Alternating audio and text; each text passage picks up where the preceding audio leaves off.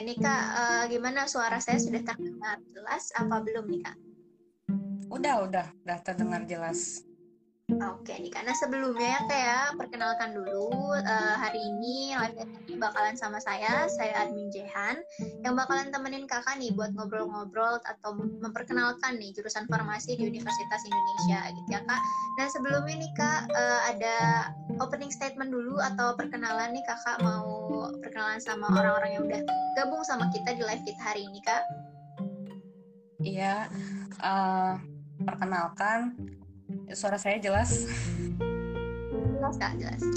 Oke, jelas. Oke, oke. Kenalin. Uh, sebelumnya makasih untuk intip kuliah yang udah mempersilahkan uh, saya Putri Sagita Utami ya di, uh, untuk berkesempatan sharing sama teman-teman di sini. Uh, aku dari Fakultas Farmasi UI. Uh, Alhamdulillah tahun ini udah lulus sarjana ya. Sekarang lagi kesibukannya kuliah apoteker insya Allah 2021 jadi apoteker amin gitu.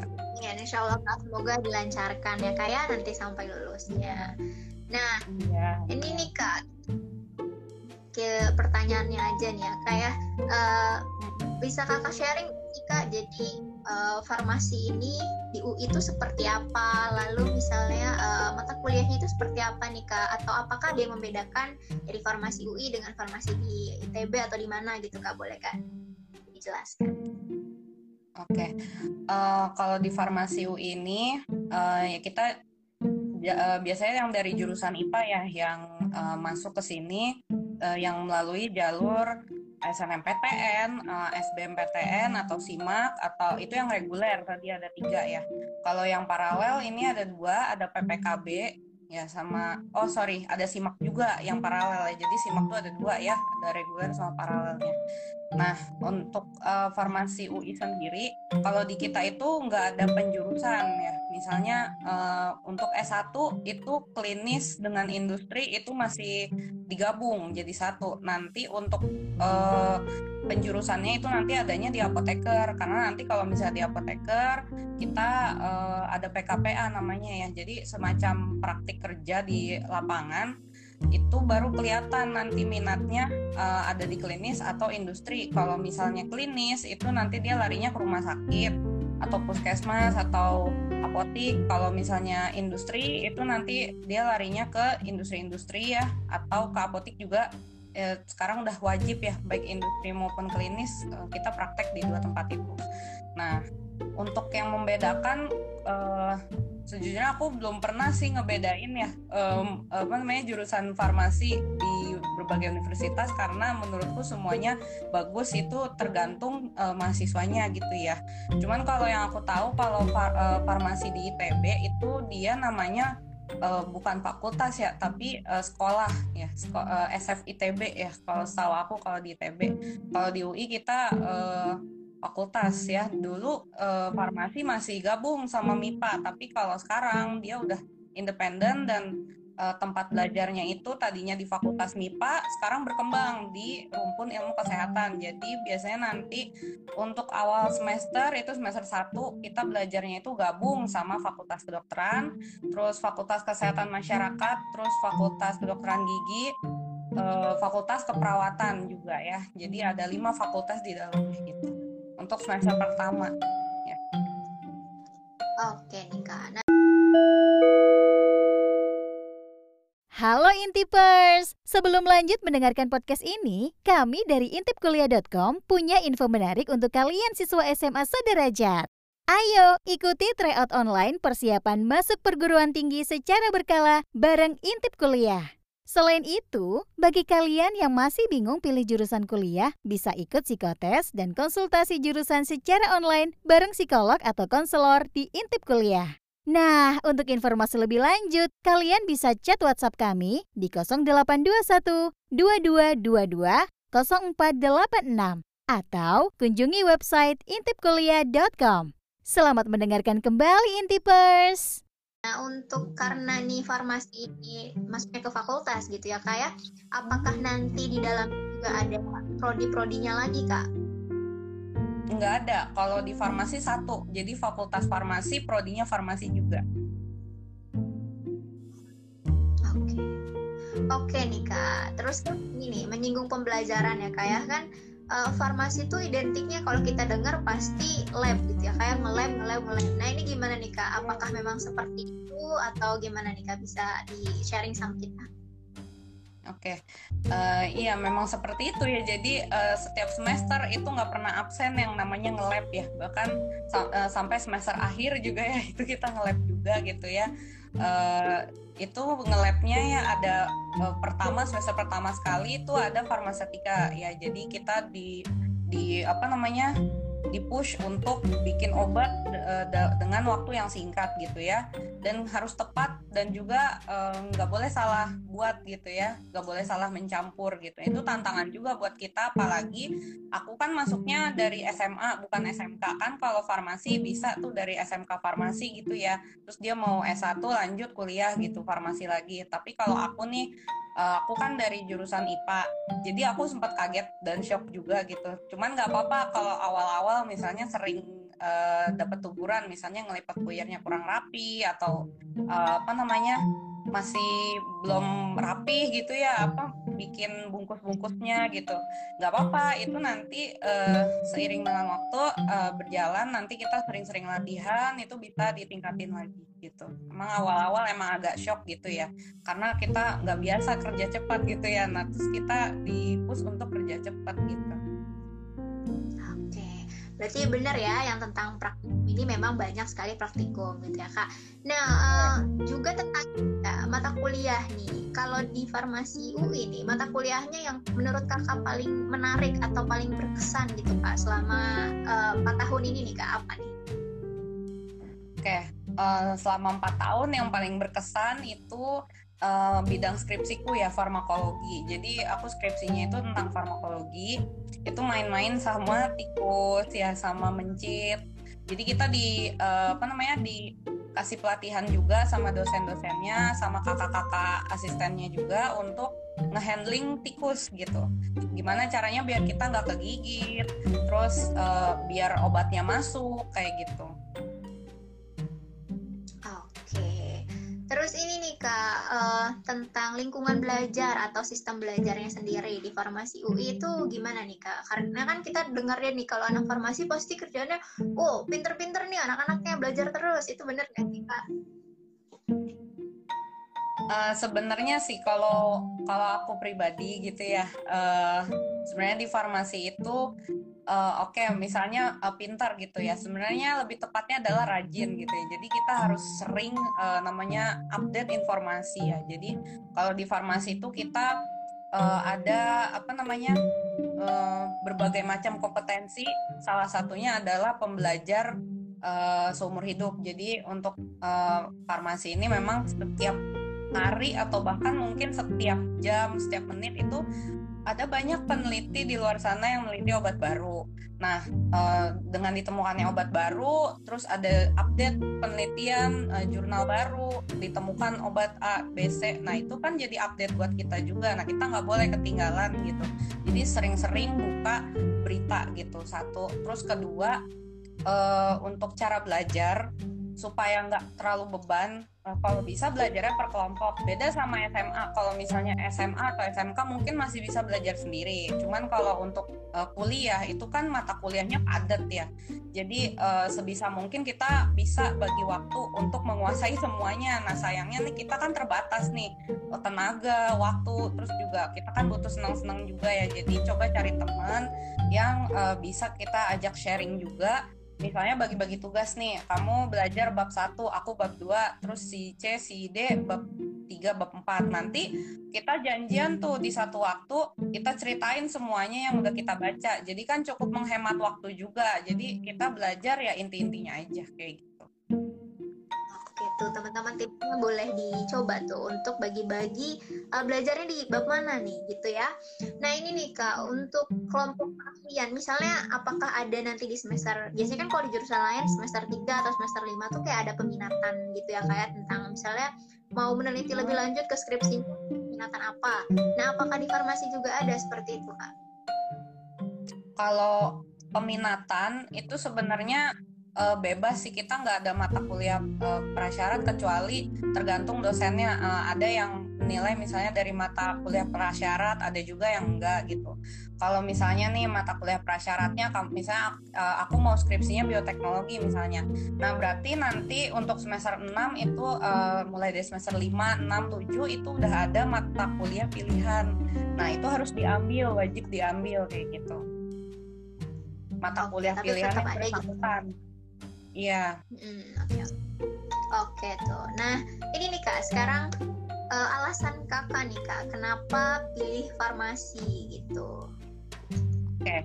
uh, eh, pertama karena uh, dulu aku kepikiran milih farmasi itu dari SMP. Sejak SMP kelas 2 itu aku udah nargetin banget pengen kuliah di farmasi.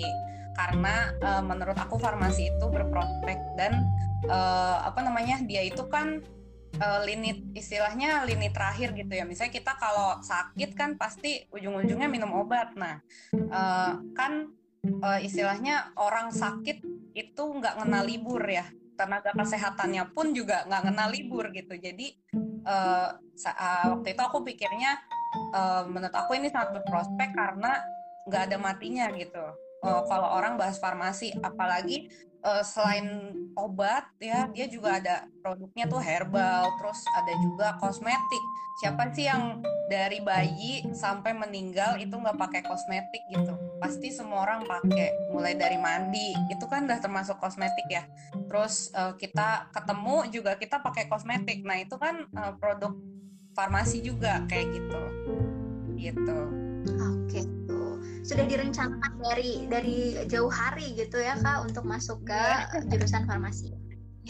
Nah ini nih kak, uh, kalau kakak sendiri masuk ke farmasi UI ini um, lewat jalur apa kak? Uh, dulu alhamdulillah dapat kesempatan masuknya lewat jalur SNMPTN tahun 2016.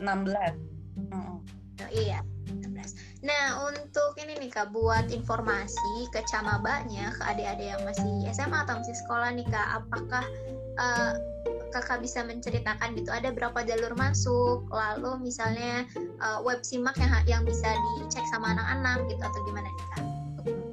Ya benar itu tadi ada web simak yang bisa dicek atau uh, searching di Google biasanya nanti dia ngarahin ke web simak itu ya. Jadi uh, untuk jalur masuk ini aku juga mengutip dari web simaknya itu untuk uh, ini kan baru ada informasinya sih tadi aku lihat yang uh, tahun 2019 ya. Jadi untuk yang reguler tadi ada tiga jalurnya. Ini ada SNMPTN, SBMPTN dan SIMAK ya. Ini untuk tahun 2019. Untuk pendaftar SNMPTN itu 328 tapi daya tampungnya hanya 16 orang. Kemudian untuk SBMPTN peminatnya ada pendaftarnya ada 300 190 tapi daya tampung hanya 24 kemudian untuk simaknya ada sampai 2000 ya 2673 dan daya tampungnya hanya 40 nah ini kalau diakumulasi yang jalur reguler ini hanya 80 Kemudian untuk yang uh, paralel ini yang pendaftarnya dari jalur PPKB ini ada 248 dengan daya tampung 20 orang. Kemudian untuk yang simak paralelnya ada 1065 ya. Jadi udah nyentuh angka ribuan kalau simak itu daya tampung hanya 20. Jadi untuk paralel total daya tampung 40. Kalau digabung reguler dengan paralel jadi uh, satu prodi itu menampung 120 orang saja. Oke, tuh adik-adik ya udah dijelaskan sama kakaknya jelas banget nih. Jadi memang ketat sekali gitu ya persaingan kalian untuk masuk farmasi UI ini gitu ya kak ya. Nah ini yeah. kak, uh, masih menyinggung tentang adik-adiknya nih kak. Uh, kakak mau ngasih tips nggak? Atau mau ngasih saran gitu untuk mereka supaya uh, istilahnya nanti bisa masuk ke farmasi UI dengan dengan tidak merasa kalau mereka salah jurusan gitu kak? Oke, okay. uh, kalau misalnya ngerasa salah jurusan, boleh dikonsultasi lagi sama orang tuanya atau sama teman-temannya apakah harus pindah? Karena uh, jujur aja ya ada beberapa ya yang merasa dia salah jurusan kemudian dia pindah. Itu nggak apa-apa juga gitu karena ada juga orang-orang yang misalnya pilihan keduanya farmasi padahal pilihan pertama kedokteran misalnya. Ya udah dia SBM lagi tahun depan kayak gitu. Atau simak lagi tahun depan pindah ke jurusan kedokteran. Uh, atau kalau misalnya masih pengen bertahan itu coba uh, apa namanya cari teman-teman yang uh, bisa nge-support kita gitu. Terus uh, kitanya itu ada kemampuan uh, apa namanya ada keinginan kuat gitu untuk bertahan uh, dan kalau bisa jangan jangan pernah sendiri. Kalau di farmasi itu beda sama SMA ya. Kalau kuliah sih sebenarnya nggak cuma jurusan farmasi aja. Itu emang harus bareng-bareng sama teman-teman itu nggak bisa sendiri kayak gitu. Karena materinya tuh banyak banget dan pasti stres kalau belajarnya sendiri kalau belajarnya bareng-bareng teman itu kan seenggaknya kita bisa ngebagi kalau kesah gitu ya. Atau kita bisa ngecek diri kita misalnya ada yang kurang atau apa dicek sama temen kayak gitu iya sih Kak, benar kalau misalnya S1 tuh kayak memang harus bareng-bareng, nggak bisa individualis banget gitu ya Kayak, nah ini nih Kak, untuk prospek kerja nih masih banyak banget yang kebingungan nih. Kalau farmasi itu prospek kerjanya ke mana aja gitu ya kayak terus apakah memang uh, sesudah nanti uh, kita lulus di S1 farmasi apakah memang diharuskan untuk lanjut ke profesi apoteker atau gimana nih Kak? Oke, untuk prospek kerja itu sangat luas sekali untuk farmasi ya. Untuk uh, S1 itu uh, misalnya mau lanjut apoteker itu silahkan atau mau menunda juga silahkan ya. Jadi nggak wajib, cuman uh, disarankan gitu ya untuk biar apa namanya uh, mumpung masih anget-anget nih gitu kan uh, masih semangat gitu belajarnya kalau bisa dilanjutin ke apoteker kayak gitu. Untuk prospek kerjanya untuk yang sarjana farmasi ya itu masih setingkat TTK tenaga teknis kefarmasian. Itu biasanya dia ngeracik obat gitu ya. Dan uh, dia belum bisa belum boleh untuk memberi konseling langsung ke pasien. Jadi dia kerjanya benar-benar di belakang layar. Uh, tapi kalau misalnya yang apoteker itu langsung ketemu pasien ya. Jadi boleh uh, misalnya ada konseling misalnya cara menggunakan obat atau apa merekomendasikan obat kepada pasien. Misalnya kalau datang ke apotek nah itu biasanya yang datengin kita itu misalnya itu adalah apotekernya sebenarnya. Jadi misalnya kita bilang mbak misalnya sakit A gitu. Kira-kira obatnya apa ya? Nah itu itu apoteker ya. Tapi kalau untuk uh, sarjana farmasi atau tenaga teknis kefarmasian itu dia nggak nggak gitu. Dia di belakang ya. Jadi dia ngeracik kayak gitu. Oke. Nah uh, apakah di sektor industri juga bisa dijelaskan kak? Misalnya di uh, di pabrik obat atau seperti apa nih kak Oh iya, untuk uh, tadi aku kurang jelas ya tadi ya, maaf ya. Uh, jadi untuk uh, apa namanya uh, prospek kerja itu bisa di lingkungan kepemerintahan ya, misalnya di Kemenkes, di, uh, di Binfar ya untuk mengurus alkes atau uh, peredaran uh, apa namanya izin-izin uh, apa namanya obat yang di Bepom misalnya. Terus uh, apalagi ya kalau untuk di industri ada QA ya quality assurance dan quality control. Jadi uh, memastikan bahwa produk yang diedarkan itu sudah memenuhi persyaratan. Itu uh, apoteker ya. Terus di bagian produksi juga itu ada apotekernya juga. Terus uh, di bagian uh, apa namanya manajemennya itu biasanya ada juga apoteker di dalamnya ya untuk industri. Kemudian untuk di pelayanan di rumah sakit atau di puskesmas ya barangkali kalau masih ada atau di uh, apotek ya itu yang bisa bersinggungan langsung dengan pasien atau misalnya di instalasi uh, apa namanya kalau obat-obatan steril ya jadi itu yang ngeracik itu adalah apotekernya gitu. Yang memberikan bisa perawat bisa dokter tapi yang menyiapkan obatnya itu adalah farmasi. Dan itu yang ngitung siapa? Yang ngitung farmasis juga ya apotekernya di dalam. Kemudian di uh, kalau misalnya uh, orang mau operasi ya misalnya itu kan disiapin juga ya misalnya uh, sarung tangan steril terus alat-alatnya misalnya gunting bedahnya atau pisau bedahnya itu kan harus disterilkan terlebih dahulu. Nah itu yang bertugas untuk menjamin kesterilitasannya itu adalah bisa apoteker gitu di rumah sakit itu Oke tuh ya teman-teman banyak sekali dan luas sekali gitu ya uh, untuk prospek kerja di farmasi ini gitu ya. Nah untuk rencana kakaknya sendiri nih kak nanti setelah lulus misalnya harapan atau rencana jangka pendek atau jangka panjang kak boleh di share sama kita? Oke kalau untuk jangka pendek kalau sekarang uh, aku pengen namatin kuliah apotekernya dulu supaya bisa dapet uh, apa surat izin praktek, surat uh, apa registrasi dan sebagainya.